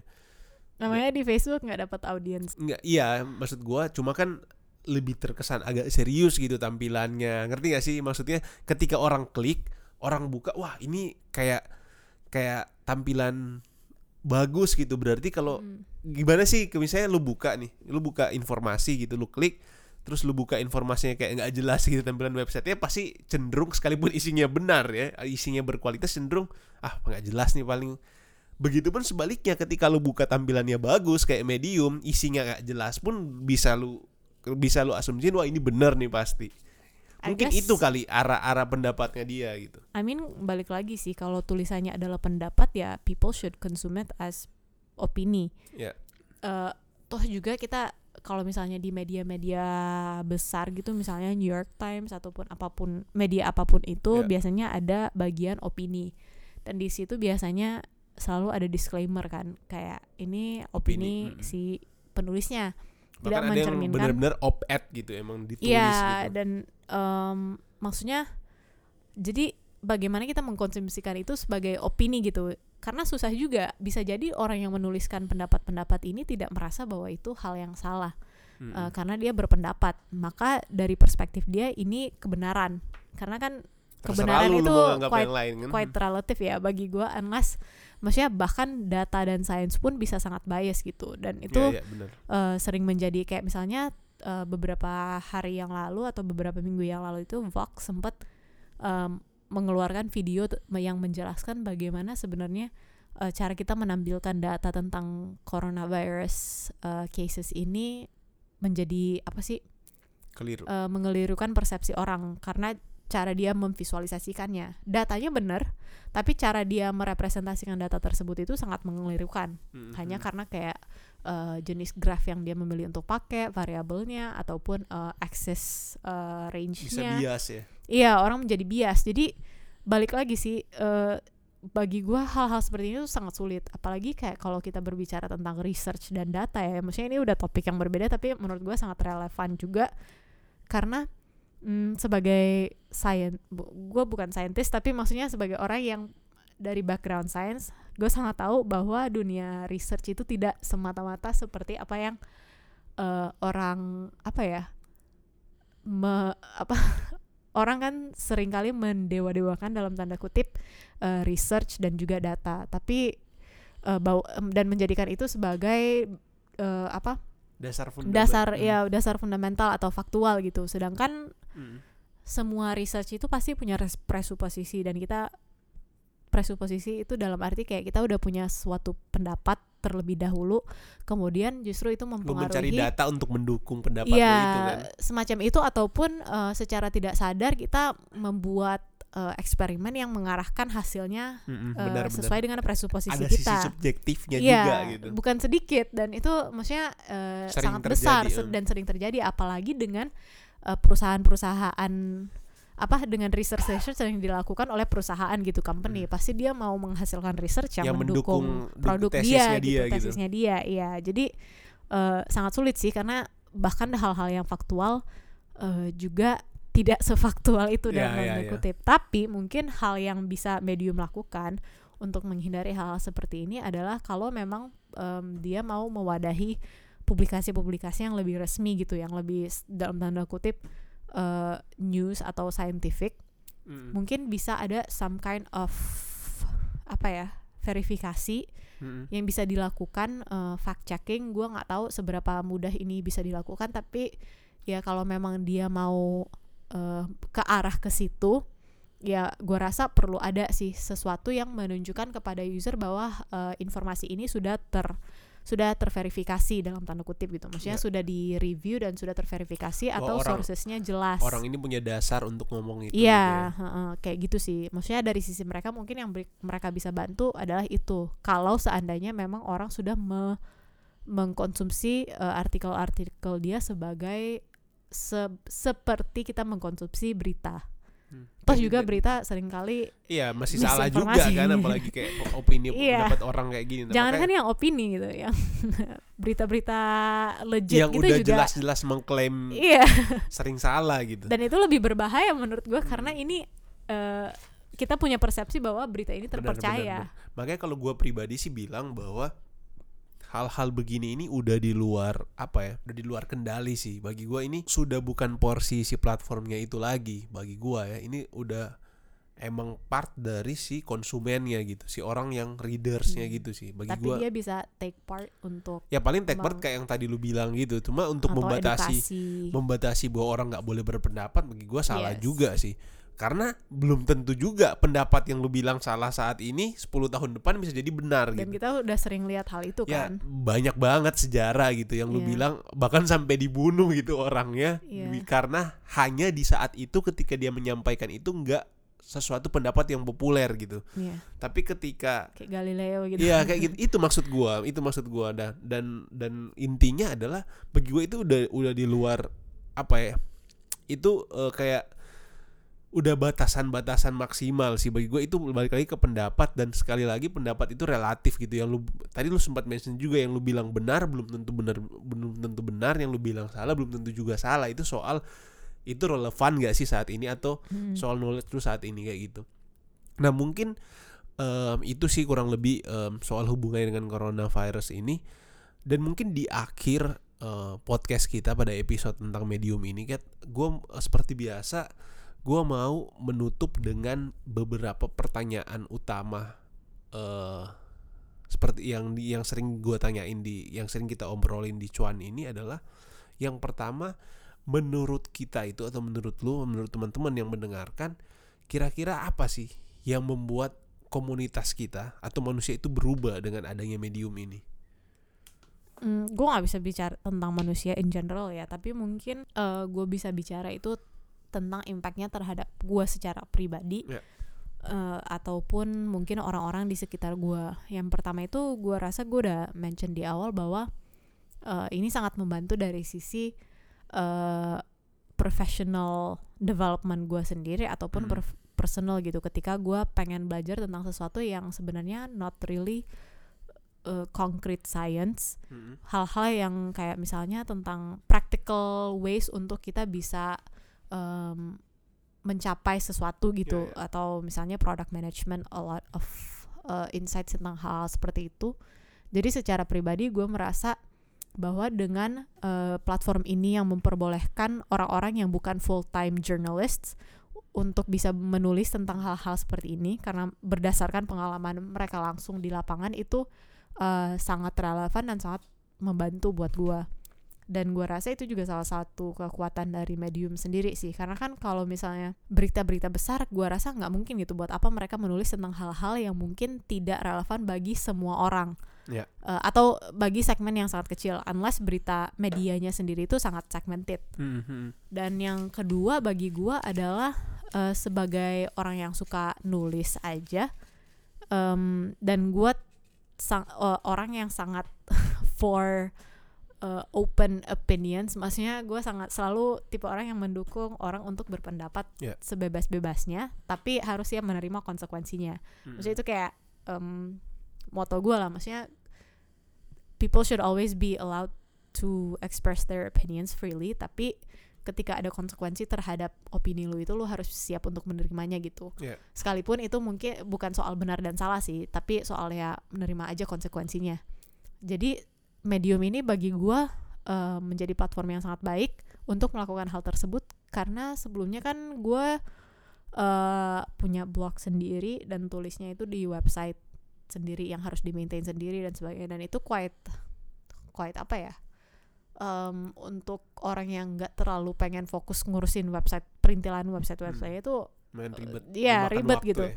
dan ini walaupun gue belum publish publish semua draft drafts di medium tapi at least itu buat gue sebagai orang yang pengen nantinya nulis lebih banyak eh, lumayan membantu gue sih Oke, menarik banget sih, eh, Kat. Gue juga sama eh, dari gue pribadi. Mungkin gue sesimpel adalah ini menumbuhkan kembali keinginan membaca gue sih. Hmm.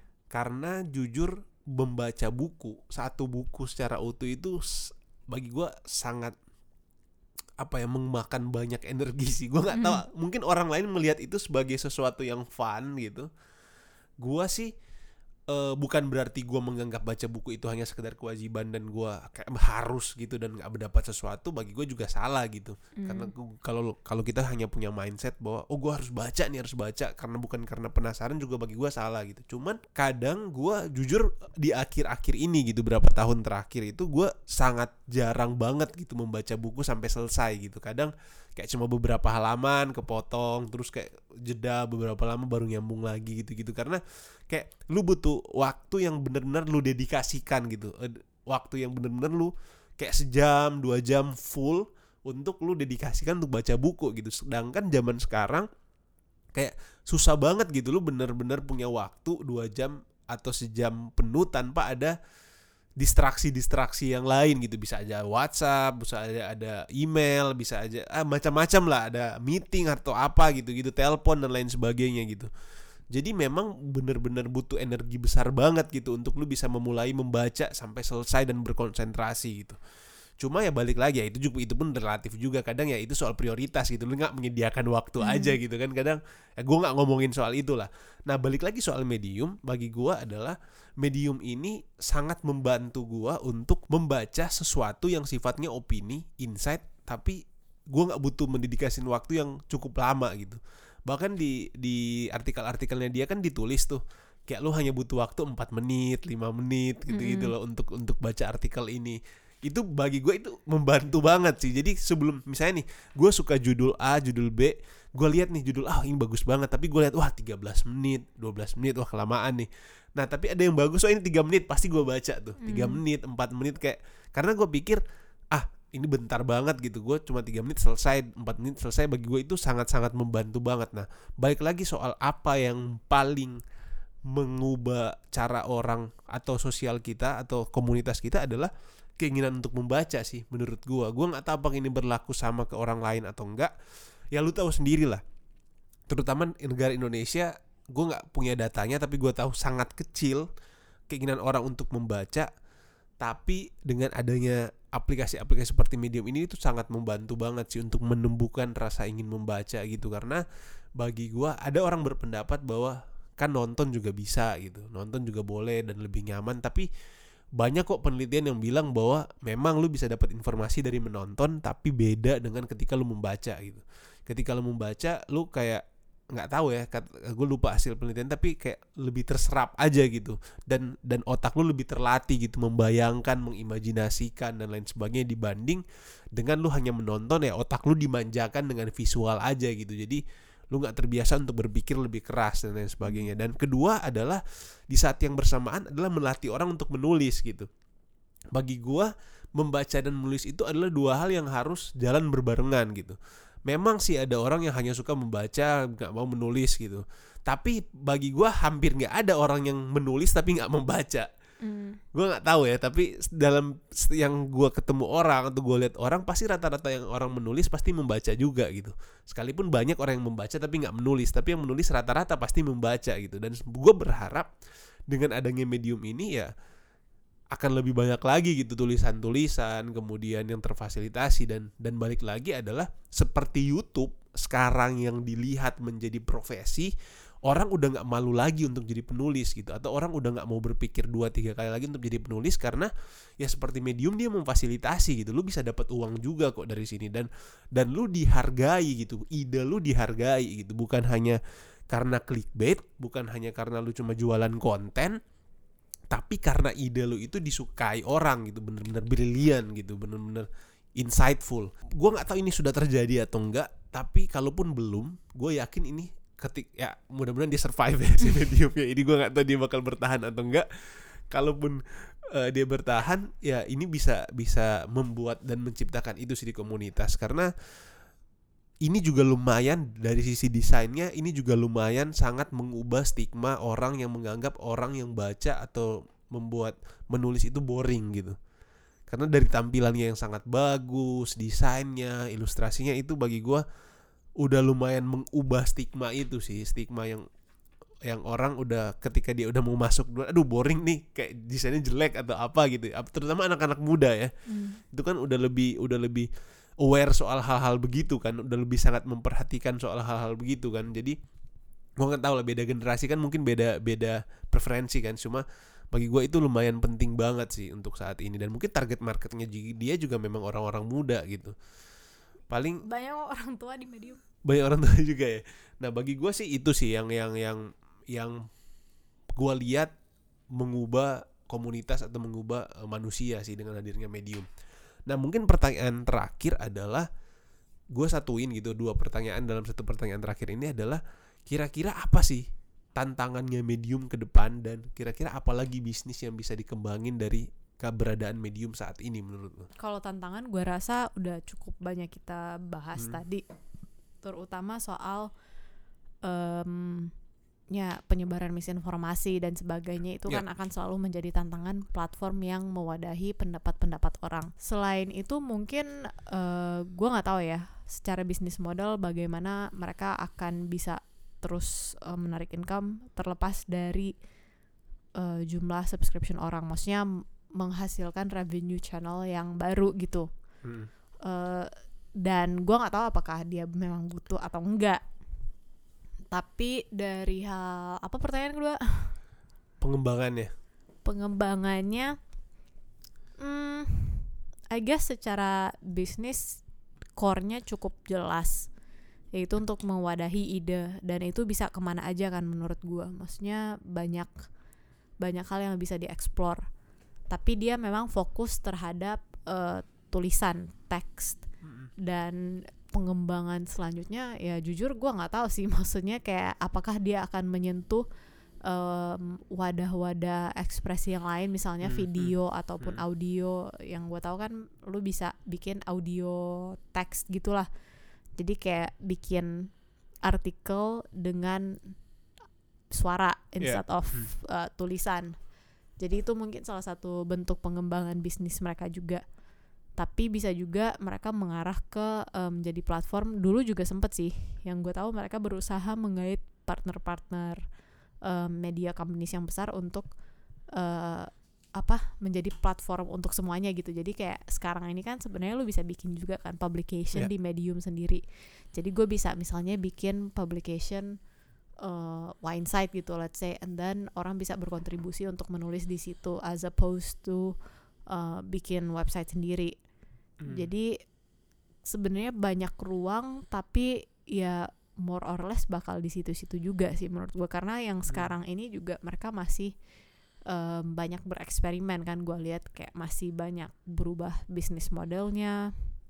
Dari sisi kayak sebelumnya dia menginsentifkan penulis based on likes atau reach tapi sekarang lebih ke lama Belum baca. bacanya Hmm. jadi kayak masih di tahap experimentation dan ya memang harus terus bereksperimentasi sih untuk uh, melihat model yang seperti apa yang paling pas gitu untuk uh, Hmm. user base-nya. benar benar benar mungkin gua tambahin sedikit kalau gua pribadi adalah permasalahannya dia sebenarnya adalah tantangannya dia terbesar adalah ideologinya dia sendiri sih kalau menurut gua visinya dia sendiri karena menurut gua visinya dia itu unik eh, dalam artian nggak semua startup atau company yang besar yang yang jelas-jelas profit yang maksudnya untuk untuk money oriented maksudnya untuk untuk suatu bisnis bukan bukan ya gue beda cerita kalau NGO atau apa gitu-gitu ya dia punya misi misi edukasi gitu-gitu mungkin ya ya dua hal yang berbeda dan udah sering dilakukan juga sama mereka. Nah bedanya kan ini bisnis gitu ini bukan NGO gitu lu berharap ada profitable nantinya kan kayak bagi gue tantangannya dia adalah dia bisa membuktikan gitu. Tadi kita udah sempat mention di awal kadang logika dan bisnis modelnya itu banyak dikritik orang gitu. Banyak yang merasa ini nggak bakal bekerja nggak mungkin berhasil nih dengan pola seperti ini gitu gitu. Dan tadi lu sempat mention juga kalau lu nggak salah tadi lu bilang sampai 2019 juga dia belum belum profit ya. Kondisi keuangannya juga belum profit gitu. Nah cuma eh, kalau gue pribadi kalau nanya ke gue pendapat pribadi sih gue berharap bisnis model ini berhasil sih. Karena setidaknya masyarakat ataupun eh, orang-orang punya option nantinya. Bahwa orang nggak hanya menjadi satu warna gitu atau menjadi satu suara bahwa oh gua ketika melakukan sesuatu harus menggunakan ad harus menggunakan adsense dan lain sebagainya harus berharap terhadap apa yang disukai orang atau apa yang disukai oleh third party gitu clickbait dan lain sebagainya. Tapi ketika dia membuktikan bisnis model seperti ini berhasil menurut gua adalah kembali memberikan bukan harapan ya kalau harapan seolah-olah apa yang terjadi sekarang jelek. Gua menurut gua nggak gitu juga tapi option sih. Bagi gua setidaknya memberikan memberikan proposal baru gitu ke ke dunia bisnis atau ke dunia content creator gitu baik video maupun eh, penulisan bahwa lu nggak harus menjadi seperti A kok untuk begitu gitu. Lu bisa aja menjadi seperti B gitu. Bagi gua itu em, suatu tantangan sendiri sih. Mudah-mudahan dia bisa bisa bisa membuktikan dan mempertahankan itu dan dan nggak bangkrut gitu. Maksud gua bisa bisa bisa tetap berlanjut gitu bisnisnya. Pengembangannya menurut gua udah lo jelasin semua sih tadi kayak kurang lebih adalah ini kan lebih ke konten ya kayak lu mempublikasikan konten kemudian lu menjadi ruang untuk sebenarnya mirip-mirip juga sih kayak Instagram kayak kayak Wujudnya aja gitu yang berbeda. Iya, wujud konten yang lu share aja yang berbeda gitu kayak YouTube sama aja gitu. Cuma yang menarik adalah gua nggak tahu kayak lu bilang tadi apakah dia nanti akan mengekspresikan itu dalam bentuk video kah nanti atau audio. Sekarang mungkin udah ada sih audio. Audionya udah ada cuma ya balik lagi gua nggak tahu dan banyak sebenarnya tantangannya juga adalah kompetitor. Kompetitor pasti banyak banget. Sekalipun bukan direct kompetitor ya, tapi lumayan banyak gitu. Contoh audio ebook gitu, Kindle punyanya Amazon gitu bagi gue mereka kan udah duluan kan tapi buku bedanya mereka buku gitu bukan pendapat kan terus kayak misalkan em, blogger gitu yang yang punya dia juga gitu sebelumnya terus WordPress sama kalau di Indonesia gitu ada Kompasiana kalau gue nggak salah juga kurang lebih mirip tuh. Kayak maksudnya platform untuk orang menulis memberikan pendapat opini gitu-gitu sih. Jadi ya paling keunikannya dia adalah soal advertisement dan soal dia men, eh, apa mendistribusikan hitungan ke mengapresiasi penulis-penulisnya sih. Paling itu sih pengembangan dan gue nggak tahu apakah dia punya pemikiran lain lagi gitu untuk mengembangin medium. Cuma menarik juga sih kalau tiba-tiba ada konten audio video yang bisnis modelnya sama kayak gini kan jadi kayak lu bener-bener buat video tapi yang yang fokus ke pendapat gitu. Tapi apa bedanya dengan YouTube nanti? Nah itu itu yang gue bingung bagaimana dia bisa bersaing dengan em, yang udah duluan settle gitu, yang udah yang punya ibaratkan library video yang jauh lebih banyak itu kan PR banget gitu. Namanya lu konten pasti lu bakal bertarung dengan orang yang udah punya lebih banyak data kan, lebih banyak apa orang yang mau berkontribusi konten di situ tapi kan siapa tahu gitu dia tiba-tiba dia udah punya apa udah punya basis audiens yang kayak sekarang gue baca terakhir udah berapa ratus udah banyak banget gitu orang yang udah udah subscribe di dan, dan udah menjadi bagian dan pembaca rutin dari medium. Bagi gue bukan nggak mungkin bukan nggak mungkin sih. Dan ya balik lagi gue berharap setidaknya ini memberikan opsi baru gitu. Karena kalau gue lihat ya gue nggak tahu ini pribadi atau subjektif atau apa gitu. Kayak kayak dia semacam ada misi mau melawan ini loh melawan kayak logika media yang udah ada gitu sih. Gue lihat sih itu sih. I mean in general uh, media industri kita sudah sangat membutuhkan media alternatif ya. disrupsi kan. Not really alternatif tapi kayak modelnya itu udah udah sangat outdated dan ya bahkan jadi malah kalah sama kayak Facebook gitu which doesn't make sense karena uh-uh. Facebook itu bukan media company. Maksudnya Hmm. Bukan news company tapi malah orang lebih banyak kayak cari berita di Facebook atau Twitter yang akhirnya eh, media-media company ini pun harus aktif di situ aktif di platform-platform tersebut. Tapi ya gitu sih maksudnya apakah dia akan pergi sejauh itu atau akan terus mempertahankan benar-benar kayak lebih op-ed gitu, gua nggak tahu. ya mungkin ya kita tunggu nanti lah kira-kira Hmm. gimana perkembangannya yang pasti gue sih akan kayaknya bakal mengikuti jejak lu sih kayaknya gue bakal bakal Bayar. bakal berbayar juga gitu mungkin itu sih dari gue lu ada tambahan lagi nggak Enggak, dah. mungkin oh ya pertanyaan terakhir sejauh penggunaan lo nih, kira-kira worth nggak sih kita bayar medium gitu buat gua sih sangat worth it dan sebenarnya sekalipun mungkin eh, secara ini misalnya Hmm, gua nggak hmm. membaca sebanyak yang gue berbayar gitu. Misalnya gue sebenarnya masih way kita nggak sponsor ya nggak di sponsor media. Gue masih sanggup untuk menggunakan freemiumnya yang cuma dengan cuma artikel ter- berbayar gue sebenarnya salah satu tipe orang yang mau ber- berbayar terhadap something yang gue cukup believe in aja gitu. Yeah. maksudnya kayak aplikasi yang uh, gue tahu manfaatnya dan gue tahu value-nya dan gue mendukung itu. Jadi bayarnya subscription fee yang gue bayar itu not necessarily hanya untuk kemanfaatan lu kemanfaatan pribadi. dia ya. tapi untuk mendukung bener sih, ininya bener dia banget juga sih. sih, bener banget.